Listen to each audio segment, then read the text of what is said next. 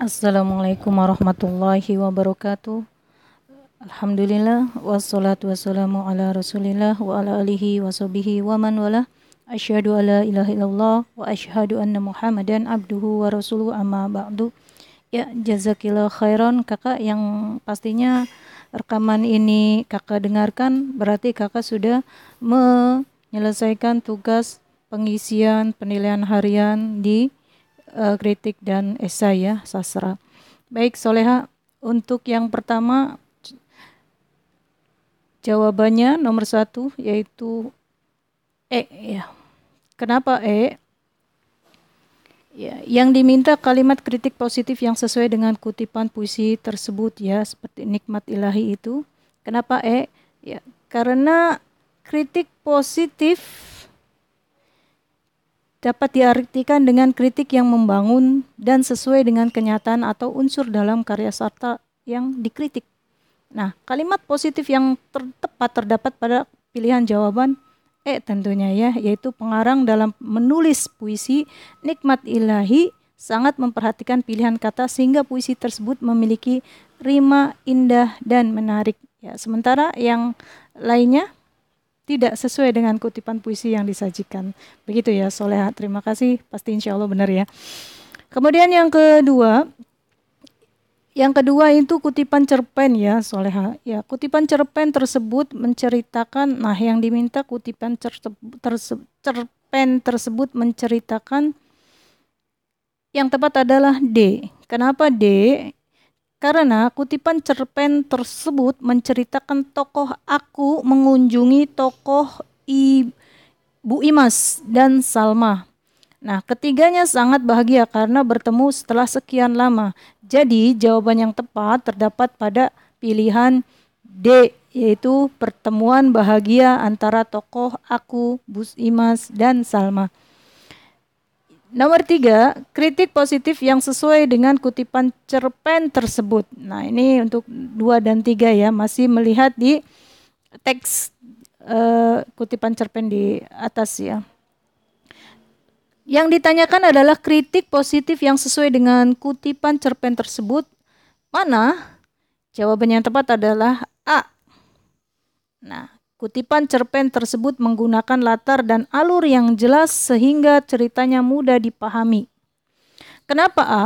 Kritik positif yang sesuai dengan teks cerpen terdapat pada pilihan A ini karena kutipan cerpen tersebut menggunakan latar dan alur yang jelas sehingga cerita mudah dipahami.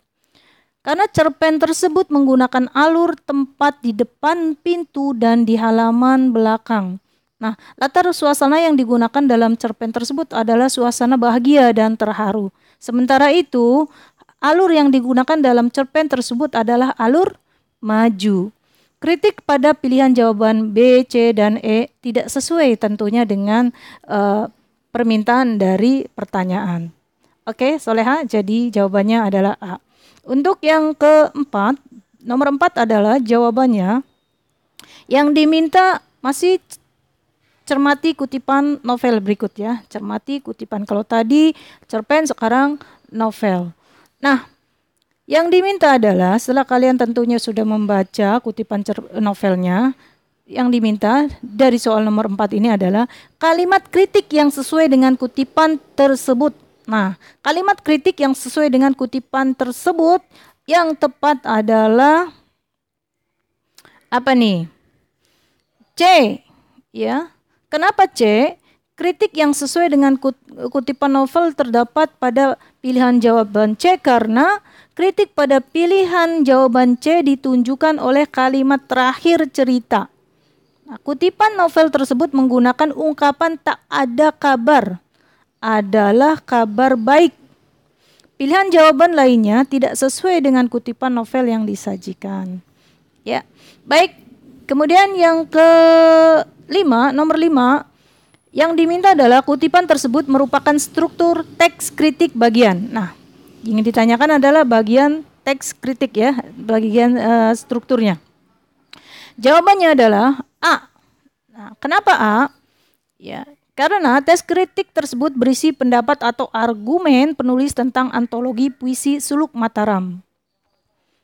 ya.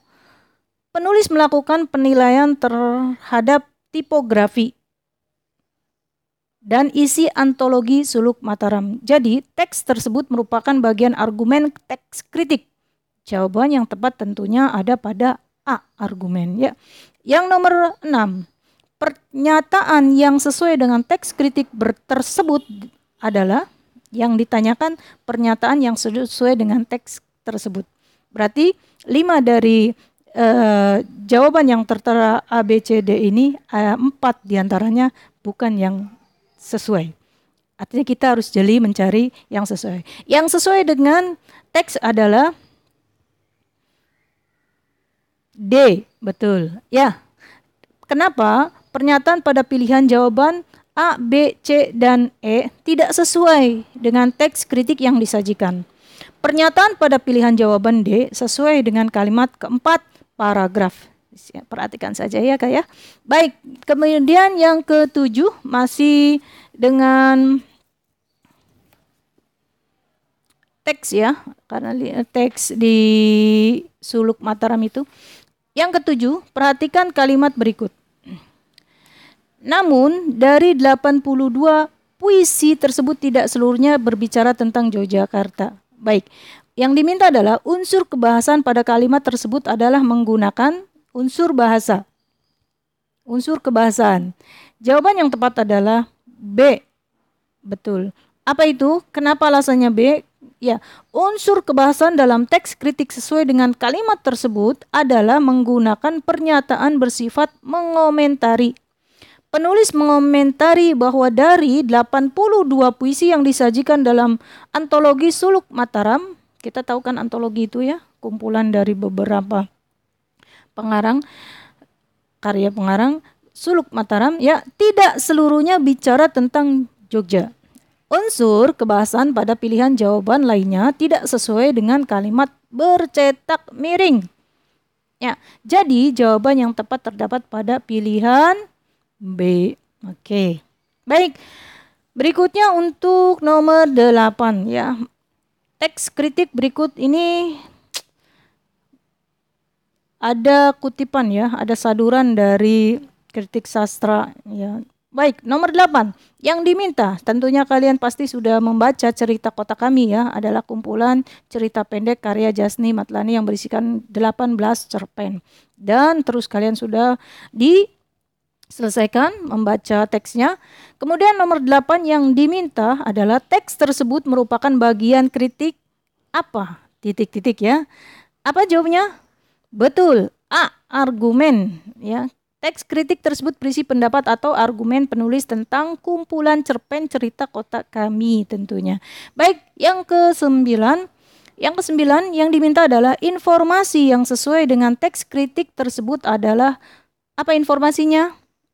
E ya tema dalam kumpulan cerpen cerita kota kami cukup beragam. Informasi yang sesuai dengan teks kritik. Baik, karena A, B, C, dan D tentu tidak sesuai. Kalian sudah memperhatikannya dan jawaban yang tepat adalah E. Betul, elang. Baik, Soleha, berikutnya untuk e, nomor 10 dan pastinya dengan teks yang sudah disodorkan di e, berikut soalnya yaitu 10 sampai 12 ya. Kita langsung ke nomor 10-nya. Apa yang diminta oleh nomor 10 ini?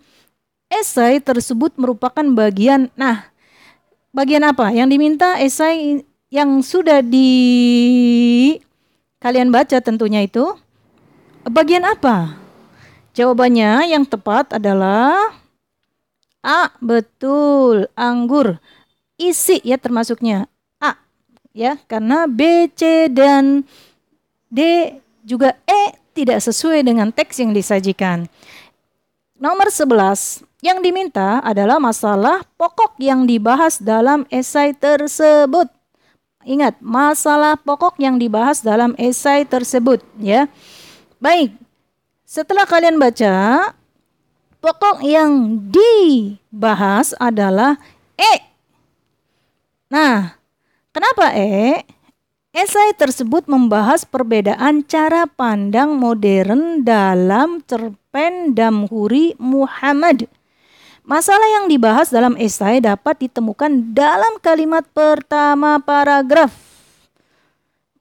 Sedangkan masalah pada pilihan jawaban A, B, C, dan D tidak sesuai dengan teks esai yang disajikan. Jadi jawabannya elang. E.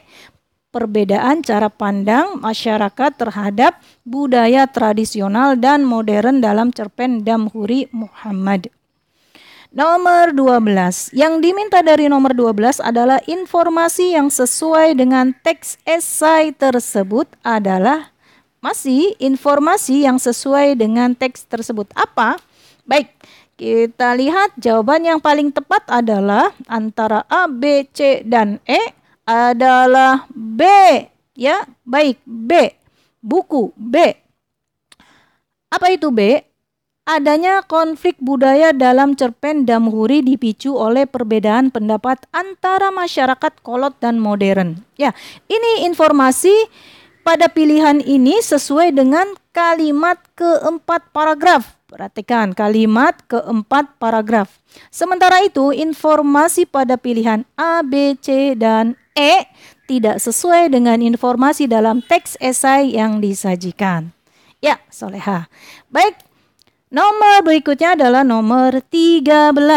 Ya, di nomor 13 ini kalian harus baca lagi teks ya, yaitu tentang penyair Arfif Afandi mengkritik kondisi kota dengan gaya berpuisi yang berbeda dengan Denny Mizhar. Ya, titik-titik-titik sementara itu. Nah, kalian tentunya harus dibaca dulu teksnya. Ya, kita lihat apa yang diminta i nomor 13. Ide pokok esai tersebut adalah jadi cari ide pokoknya. Tentu kalian sudah dibekali dengan cara bagaimana mendapatkan ide pokok. Baik? Oke. Menentukan ide pokok. Masih ingat? Ya, dengan cara baik mencari kalimat utama ya. Baik, Soleha. Ya, sementara kalimat utama ada di awal, akhir, campuran ya, ya atau deduktif, induktif ya. Baik, Soleha. Nomor 13 yang sesuai ide pokok tersebut adalah D. Iya, betul, D. Kenapa D? D ya, donat. Kenapa D? Paragraf tersebut membahas, per, membahas perbedaan gaya berpuisi Denny Mizar dengan Afif Effendi dalam mengkritik kondisi kota. Nah, ide pokok esai tersebut terdapat dalam paragraf pertama paragraf. Ya, jadi kalimat utama itu ada di ada di pertama ya. Ide pokok terdapat pada pilihan jawaban D. Apa itu D? Perbedaan gaya berpuisi Denny Mizar dan Afif Afandi dalam mengkritik kondisi kota. Oke, baik. Lanjut ke nomor 14. Yang diminta adalah kalimat yang tepat untuk melengkapi esai tersebut adalah titik-titik ya. Tentu tadi di kalimat yang itu ada masih rumpang ya, masih ada titik-titik yang perlu kalian isi. Nah, di sini dimintanya. Kalimat yang tepat untuk melengkapi esai tersebut adalah jawaban yang baik di antara lima jawaban eh, pilihan ganda ini adalah A. Betul. A. Apel. A. Baik. A ini, kenapa A? Paragraf esa rumpang tersebut harus dilengkapi dengan kalimat yang sesuai tentunya. Kalimat pada pilihan jawaban A sesuai dengan kalimat sebelum dan sesudahnya. Jadi, selain itu, kalimat tersebut sesuai dengan konteks kalimat. Sementara itu, kalimat pada pilihan jawaban B, C, D, E tidak sesuai dengan konteks kalimat dan kalimat sebelum serta sesudahnya. Apa sih A? Oh, A itu dalam puisinya berjudul Hijau Bumi Telah Tiada, Afif Afandi menempatkan aku yang langsung mengomentari degradasi lingkungan kota. Coba kalian masukkan A itu ke dalam ke, uh, teks esai yang masih rumpang itu. Oke, baik lanjut langsung ke nomor 15. Yang diminta adalah istilah antitesis dalam teks tersebut memiliki makna antitesis. Ayo. Baik, betul. C. Apa itu? C. Ya. C itu pertentangan antitesis ya. Aduh, ini bahasa akademik nih. Menurut Kamus Besar Bahasa Indonesia, kata antitesis memiliki makna pertentangan. Jadi, jawaban yang tepat adalah C. Betul sekali. Berikutnya kita masuk ke nomor 16. Nomor 17. Ini mengacu pada teks esai pada uh, pada apa? Atas, bagian atas dari nomor 16 itu. Kita baca dulu ya. Setelah kalian sudah membaca, kita lihat ya ataupun kalian lihat dulu apa yang diminta nomor 16 ini yaitu e, paragraf tersebut merupakan teks esai bagian. Jadi yang ditanyakan kita harus lebih ke mana? Fokus ke pertanyaannya yaitu teks esai bagian. Jadi silakan baca dulu pelan-pelan dan maknai ya Nah, setelah kalian sudah menemukan bagian apa itu, kira-kira bagian apa? Ya, betul. Yang jawab C, betul ya, cukup betul. Isi. Kenapa teks tersebut merupakan struktur bagian teks esai bagian isi? Teks tersebut merupakan penjelasan lebih mendalam mengenai masalah yang dibahas. Jadi jawaban yang tepat adalah Cantik betul. C. Oke, untuk 17, nomor 17 masih mengacu pada teks esai yang di atas. Ya, yang ditanyakan adalah masalah yang dibahas dalam esai tersebut adalah. Nah, ini masalah yang dibahas. Tentunya harus dibaca dulu. Oke, setelah kalian membaca dan sudah menentukan pilihannya, pilihan kalian tentunya apa? Baik, yang betul adalah D ya. DD. Baik, D. Kajian postkolonial masih menjadi perdebatan. Pembahasannya, teks tersebut membahas masalah kajian postkolonial yang masih menjadi perdebatan. Pokok masalah dalam esai tersebut dapat ditemukan pada ide pokok. Nah, ide pokok teks tersebut pada kalimat pertama paragraf. Masalahnya, masalah pada pilihan jawaban A, B, C, dan E tidak sesuai dengan teks yang disajikan. Dan kata kuncinya kalian adalah ketika diminta e, permasalahan yang dibahas dalam teks esai, tentunya kalian harus mencari ide pokok. Nah, setelah kalian mencari dapat ide pokok, bagaimana cara mencari ide pokok? Mencari kalimat utama. Nah, Kalimat utama dalam paragraf ada beberapa posisi dan ciri-ciri. Dan masih ingat kan waktu kelas 10 atau yang sering-sering Ibu bilang apa ciri-ciri kalimat utama yang ada di atas, yang ada di uh, yang ada di awal, yang ada di akhir dan yang campuran. Tentunya bisa. Nah, baik jadi jawaban tujuh adalah D kajian postkolonial masih menjadi perdebatan. Soleha, berikutnya nomor 18. Nomor 18 ini mengacu pada teks esai yang sudah ada di atas nomor 18 itu. Dan pasti kalian sudah membacanya. Baik, simpulan yang yang diminta 18 dulu kita lihat simpulan yang sesuai dengan teks esai tersebut adalah jadi kita mencari simpulan yang sesuai dari teks esai. Apa simpulannya yang sesuai? Jadi di antara A, B, C, dan E ini tentunya tidak ada empat yang tidak sesuai. ya. Jadi kita cari yang sesuai. Yang sesuai adalah A, betul, aku. A, apa itu A? Kenapa kita A? Karena A, simpulan pada pilihan jawaban A mencakup keseluruhan isi teks esai yang disajikan. Sementara itu, simpulan pilihan jawabannya, jawaban yang lainnya tidak sesuai dan tidak memuat semua isi esai yang disajikan. Begitu, Soleha, insya Allah paham ya. Baik, kemudian yang 19. 19 ini juga masih mengacu pada teks tersebut.